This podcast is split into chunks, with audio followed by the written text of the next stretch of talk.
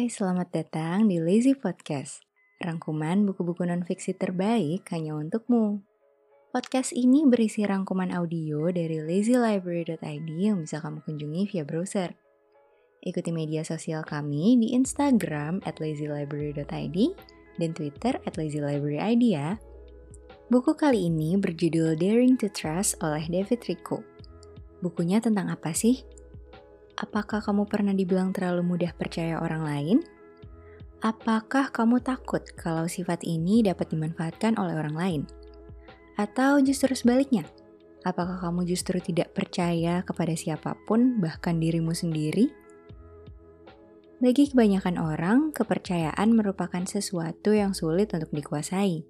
Di sisi lain, kurangnya kepercayaan dapat menimbulkan ketakutan, hubungan toksik, serta menjauhkanmu dari potensi diri yang sebenarnya.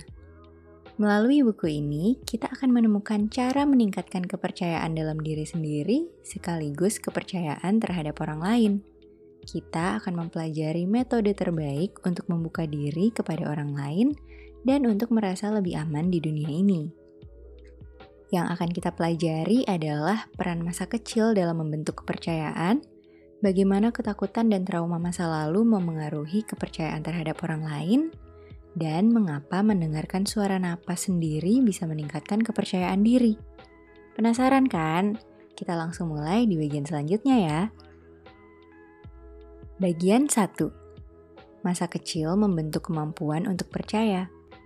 Seberapa sulit bagimu untuk membicarakan perasaanmu kepada orang asing? Apakah kamu merasa kalau dunia ini umumnya adalah tempat yang aman? Jawabanmu akan bergantung pada pengalamanmu di masa kecil. Anak-anak yang memiliki hubungan dekat dengan orang tua biasanya merasa lebih aman dan lebih mudah untuk belajar percaya kepada orang lain. Saat sang ibu menenangkan anaknya yang ketakutan, anak itu belajar untuk mempercayai ibunya, tumbuh lebih terikat, dan merasa nyaman dengan lingkungannya. Sedangkan anak-anak yang tidak pernah memiliki hubungan keluarga seperti ini umumnya mengalami kesulitan dengan hubungan di saat dewasa. Mereka sulit untuk terbuka dengan orang lain, serta merasa takut bahwa perasaan mereka akan terluka jika mencoba untuk terbuka. Tubuh kita mengingat momen-momen tentram dan aman yang kita habiskan dalam pelukan orang tua. Ingatan itu dapat menenangkan kita dalam masa-masa sulit serta mengingatkan bahwa dunia ini adalah tempat yang aman. Anak-anak memang perlu mendapatkan perhatian, tetapi terlalu banyak perhatian juga bisa menjadi masalah loh. Jika orang tua terlalu posesif, anak tidak akan bisa mengembangkan kemandirian yang akan mereka butuhkan di masa depan. Inilah pentingnya peran orang tua untuk sedikit demi sedikit melepaskan kontrol saat anak beranjak dewasa. Anak muda perlu ruang untuk mengeksplor dunia, menguji batasan yang mereka perlukan, dan orang tua yang tetap hadir untuk mendukung mereka. Kebebasan seperti ini akan membuat anak mengembangkan kepercayaan pada diri mereka sendiri. Hal ini kemudian akan menjadi kunci untuk membentuk dan mempertahankan hubungan yang sehat saat mereka dewasa. Nah, pada bagian selanjutnya kita akan melihat seperti apa hubungan sehat antara dua pihak yang saling percaya satu sama lain. Bagian 2. Peran kepercayaan dalam hubungan yang sehat. Banyak film yang menyodorkan kisah romansa idealis kepada penonton, dengan sepasang kekasih baru yang buru-buru menjalin hubungan dengan kebahagiaan yang meluap. Namun, hubungan di dunia nyata tidak selalu berjalan seperti itu. Orang dewasa yang bijak menghabiskan paruh awal dalam hubungan mereka dengan menilai apakah pasangan mereka dapat dipercaya atau tidak. Kepercayaan merupakan pondasi untuk hubungan yang sehat dan stabil, serta berperan dalam menciptakan kenyamanan dan kedekatan bagi kedua pihak. Orang yang dapat dipercaya akan berdedikasi untuk membahagiakan pasangannya, serta akan berusaha untuk menjaga agar hubungannya tetap hidup. Namun, kebahagiaan tentunya tidak harus selalu bergantung pada pasangan, kan? Dalam ajaran pertama agama Buddha, dunia ini selalu berubah serta tidak ada yang benar-benar dapat dipercaya.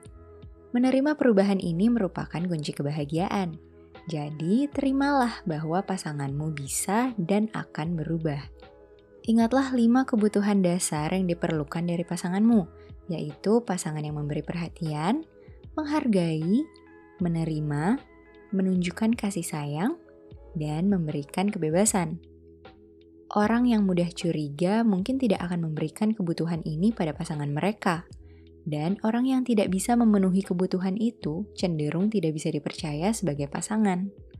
Orang yang tidak bisa mempercayai dirinya sendiri atau orang lain mungkin terlalu tenggelam dalam konflik batin sehingga tidak bisa memenuhi kebutuhan pasangannya. Ia mungkin akan mulai mengontrol pasangannya saat ia menduga pasangannya berselingkuh. Hal ini tentunya akan melanggar kebebasan yang diperlukan saat menjalani hubungan orang yang tidak bisa mempercayai dirinya sendiri juga akan berpikir bahwa ia tidak mampu bahagia sendiri dan harus bersandar pada pasangan. Ia akan mengharapkan kasih sayang secara berlebihan, dan saat pasangannya tidak memberikan perhatian seperti harapannya, ia mungkin akan menjauh karena dendam, lalu mengatakan pada dirinya sendiri, "Lagian gue gak suka orang yang terlalu klingi, Sifat-sifat negatif berupa masalah kepercayaan ini juga dapat mempengaruhi hubungan lainnya yang sedang dijalani. Tidak hanya dengan pasangan, tapi juga dengan teman atau keluarga. Nah, di bagian selanjutnya kita akan lihat nih, bagaimana dampak yang ditimbulkan dari masalah kepercayaan tersebut. Bagian 3. Ketakutan dan trauma masa lalu memengaruhi hubungan secara negatif. Orang-orang sering bereaksi berlebihan saat menyaksikan pasangan mereka memiliki perilaku tertentu. Kejadian kecil seperti pasangan yang sedang bad mood kadang dapat memicu reaksi negatif yang berlebihan. Tapi apa sebenarnya yang menyebabkan mereka bersikap seperti ini? Orang yang pernah dilukai secara emosional di masa lalu cenderung sulit mempercayai orang lain. Banyak orang merasa sensitif saat ditolak atau dibohongi oleh orang yang mereka kasihi mereka akan sangat terluka saat kepercayaan mereka dirusak dan sulit untuk mempercayai orang lain di masa depan. Contohnya, kamu mungkin sedang kesulitan untuk mempercayai orang tertentu, misalnya pacar baru atau rekan kerja baru. Ketidakpercayaan itu tidak selalu datang dari mereka, melainkan juga bisa datang dari dirimu sendiri. Misalnya, kamu ketakutan saat pacarmu sedang marah Ketakutan ini dapat timbul dari trauma masa kecil, seperti ketakutan dari orang tua yang pernah bertindak kasar saat mereka marah. Selain masalah kepercayaan, masalah yang juga rentan dirasakan oleh orang-orang adalah rasa sakit DIY. Familiar dengan istilah DIY? Yap, DIY atau do it yourself adalah istilah untuk sesuatu yang kamu buat sendiri. Jadi, rasa sakit DIY ini berasal dari diri kamu sendiri, di mana sumber masalahnya sebenarnya adalah karena kamu bersikap negatif secara berlebihan terhadap diri sendiri. Kita bisa bayangkan seseorang yang baru saja putus mengatakan pada dirinya sendiri bahwa tidak akan ada seorang pun yang akan mencintainya. Ini merupakan contoh klasik dari rasa sakit DIY. Putus cinta memang menyakitkan, tapi jangan sampai memperburuk situasi dengan tenggelam dalam kebohongan seperti itu. Tahu nggak? Ketakutan dan trauma masa lalu juga bisa membuatmu mudah berbohong dan terjebak dalam hubungan yang tidak sehat. Kita sering berbohong karena takut. Seseorang mungkin takut untuk mengakui perasaannya jika perasaan itu bisa menyakiti orang lain. Sebagai contoh, saat mantan pecandu narkoba mulai kambuh, ia mungkin akan berbohong tentang kekambuhannya karena ia takut mengecewakan pasangannya atau khawatir ditolak karena sikapnya yang tidak berubah. Ditambah lagi, ada pula orang-orang yang memilih tetap berada dalam hubungan yang tidak sehat. Sebagai contoh, jika orang tersebut hidup di lingkungan yang toksik, di mana kekerasan dan penderitaan terlihat normal, dan ia mungkin akan merasa tidak nyaman tanpa aspek negatif tersebut. Jadi sekarang udah kebayangkan gimana penderitaan yang dialami di masa lalu bisa bikin komplikasi terhadap sikap dan perilaku dalam menjalin hubungan di masa depan. Nah, jika kamu pernah atau sedang mengalaminya, serta ingin melepaskan diri dari kenegatifan itu, kamu bisa coba nih tips dan trik yang ada di bagian selanjutnya. Bagian 4. Penerimaan diri, langkah awal menuju ketenangan. Akankah kamu mempercayai seseorang yang berbohong tentang diri mereka yang sebenarnya? Tentu saja tidak. sangat penting untukmu jujur tentang diri sendiri kepada orang lain, yang mana kamu juga harus lakukan kepada diri sendiri. Mulailah dengan mengakui dan menerima perasaanmu. Kamu tidak akan bisa mengenali dirimu sendiri sampai kamu tahu apa yang sedang kamu rasakan. Menekan dan menyangkal perasaanmu mungkin akan memudahkan hidupmu dalam waktu singkat, tapi dalam jangka panjang hanya akan menimbulkan penderitaan. Karena saat menekan perasaan, kamu akan menghambat kemampuanmu untuk mengenali diri sendiri dan apa yang kamu inginkan. Percaya deh, kamu hanya akan merasa aman saat kamu berhenti berbohong kepada dirimu sendiri dan mulai menerima perasaanmu apa adanya. Dan setelah kamu mengetahui apa yang kamu inginkan, kamu bisa mengejar keinginan itu. Menerima perasaanmu juga bisa memberikan ketenangan dalam diri loh. Jika ditekan, perasaan negatif dapat muncul dalam bentuk lain, dan mengabaikan perasaan itu juga tidak akan membebaskanmu. Kesedihan yang kamu pendam dapat muncul sebagai tekanan yang mengganggu, tapi saat kamu membiarkan kesedihan mengalir dari alam bawah sadar, tekanan itu akan hilang dengan sendirinya.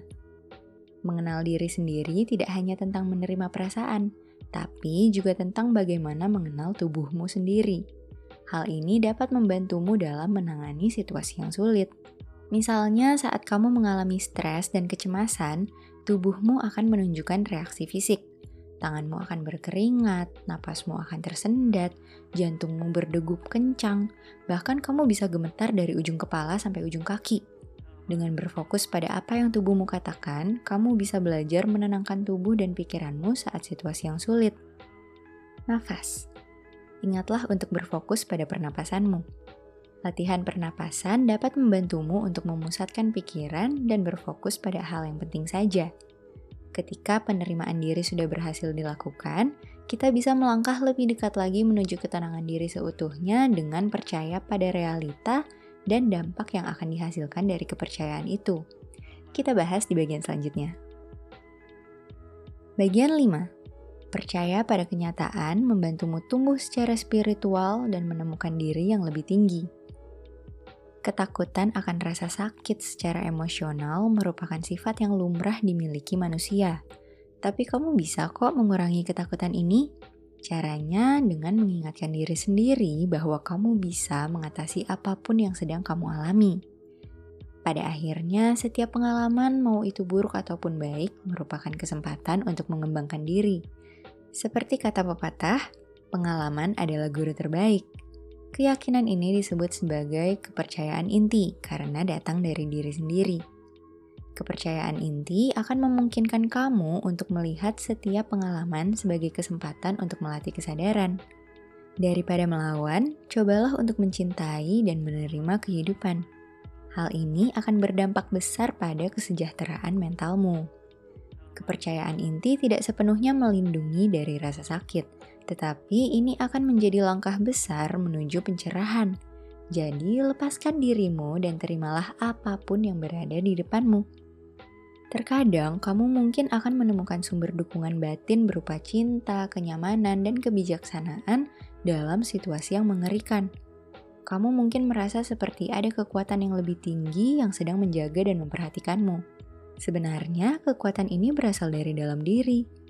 Dengan kata lain, konsep Tuhan adalah sesuatu yang hadir dalam diri setiap manusia, dan kamu juga bisa mempelajari cara berhubungan dengan kekuatan dalam diri ini dalam momen tertentu di mana kamu merasa terhubung dengan kekuatan Tuhan, kamu akan merasakan cinta kasih yang merupakan bentuk cinta tanpa syarat yang tersebar dari diri sendiri kepada orang lain. Ini adalah sumber kebijaksanaan yang dimulai dari dalam dirimu, lalu melampaui kamu sebagai suatu individu. Semakin kamu melatih cinta kasih dan belas kasihan, kamu akan semakin terhubung dengan dirimu yang lebih tinggi tapi apa sih maksud dari istilah diri ini?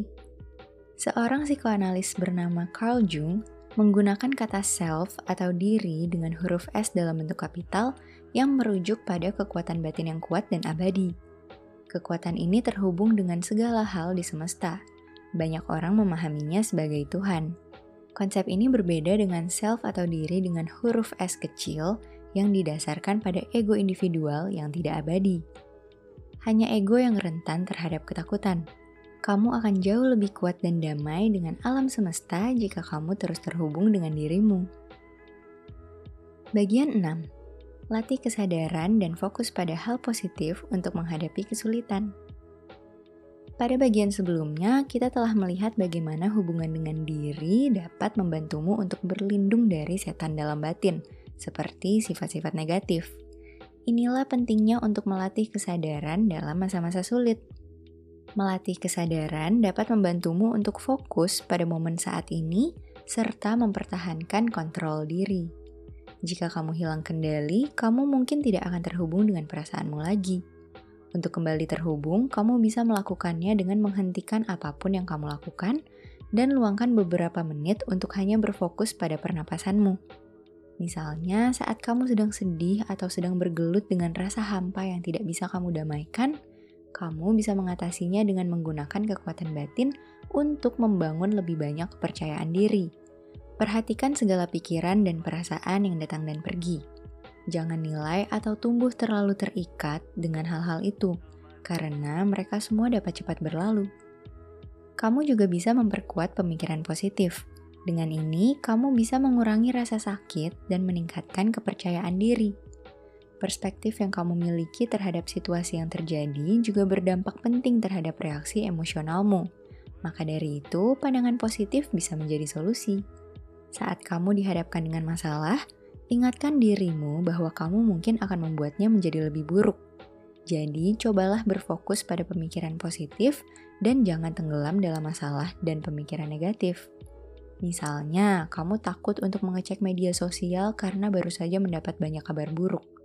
Dalam situasi seperti ini, kamu mungkin tergoda untuk berpikir, dunia seperti melawanku, aku tidak bisa mengatasi ini dan tidak tahu apa yang akan terjadi selanjutnya. Ah, makin pusing kan? Padahal kamu akan jauh lebih bahagia jika berpikir, semua orang pernah mengalami masa-masa sulit. Aku sudah pernah melalui masa sulit itu sebelumnya, dan aku akan melewatinya lagi sekarang. Lebih tenang kan? Jangan pernah lupa bahwa kamu selalu memiliki kekuatan untuk menjalani kehidupanmu dengan baik. Kita sudah sampai di bagian akhir rangkuman. Sekarang kita sudah lebih paham bahwa kepercayaan merupakan salah satu aspek penting dalam menjalani hubungan. Tidak hanya hubungan dengan orang lain, tapi juga hubungan dengan diri sendiri. Dengan memperbaiki kepercayaan terhadap diri sendiri, hasilnya akan berdampak pada kepercayaan kita dengan orang lain. Dengan demikian, kita bisa mengembangkan tiga konsep yang mungkin terdengar sukar untuk dipahami di dalam diri kita, yaitu kebahagiaan, kepercayaan diri, dan pemikiran positif. Yang pasti, ketiganya sebenarnya ada di dalam diri kita sendiri. Jadi, terimalah semua kondisimu apa adanya, baik itu positif ataupun yang negatif. Penerimaan diri merupakan aspek dasar dalam menjalani hidup sebagaimana mestinya membangun hubungan yang sehat, dan bergerak menuju masa depan yang lebih baik untukmu dan orang-orang terkasih. Petikan ilmunya, terima saja. Mungkin akan ada saat di mana kamu diliputi oleh pemikiran negatif, tapi jangan sampai kamu tenggelam terlalu jauh dalam pemikiran buruk tersebut. Terimalah penderitaanmu, dan pada akhirnya kamu akan berhasil mengatasinya dan tumbuh sebagai orang yang lebih baik. Capai diri terbaikmu dengan rangkuman non-fiksi terbaik dari kami. Ikuti kami di Instagram at lazylibrary.id dan Twitter at lazylibraryid. Serta jangan lupa untuk share rangkuman ini ke orang-orang terdekatmu ya.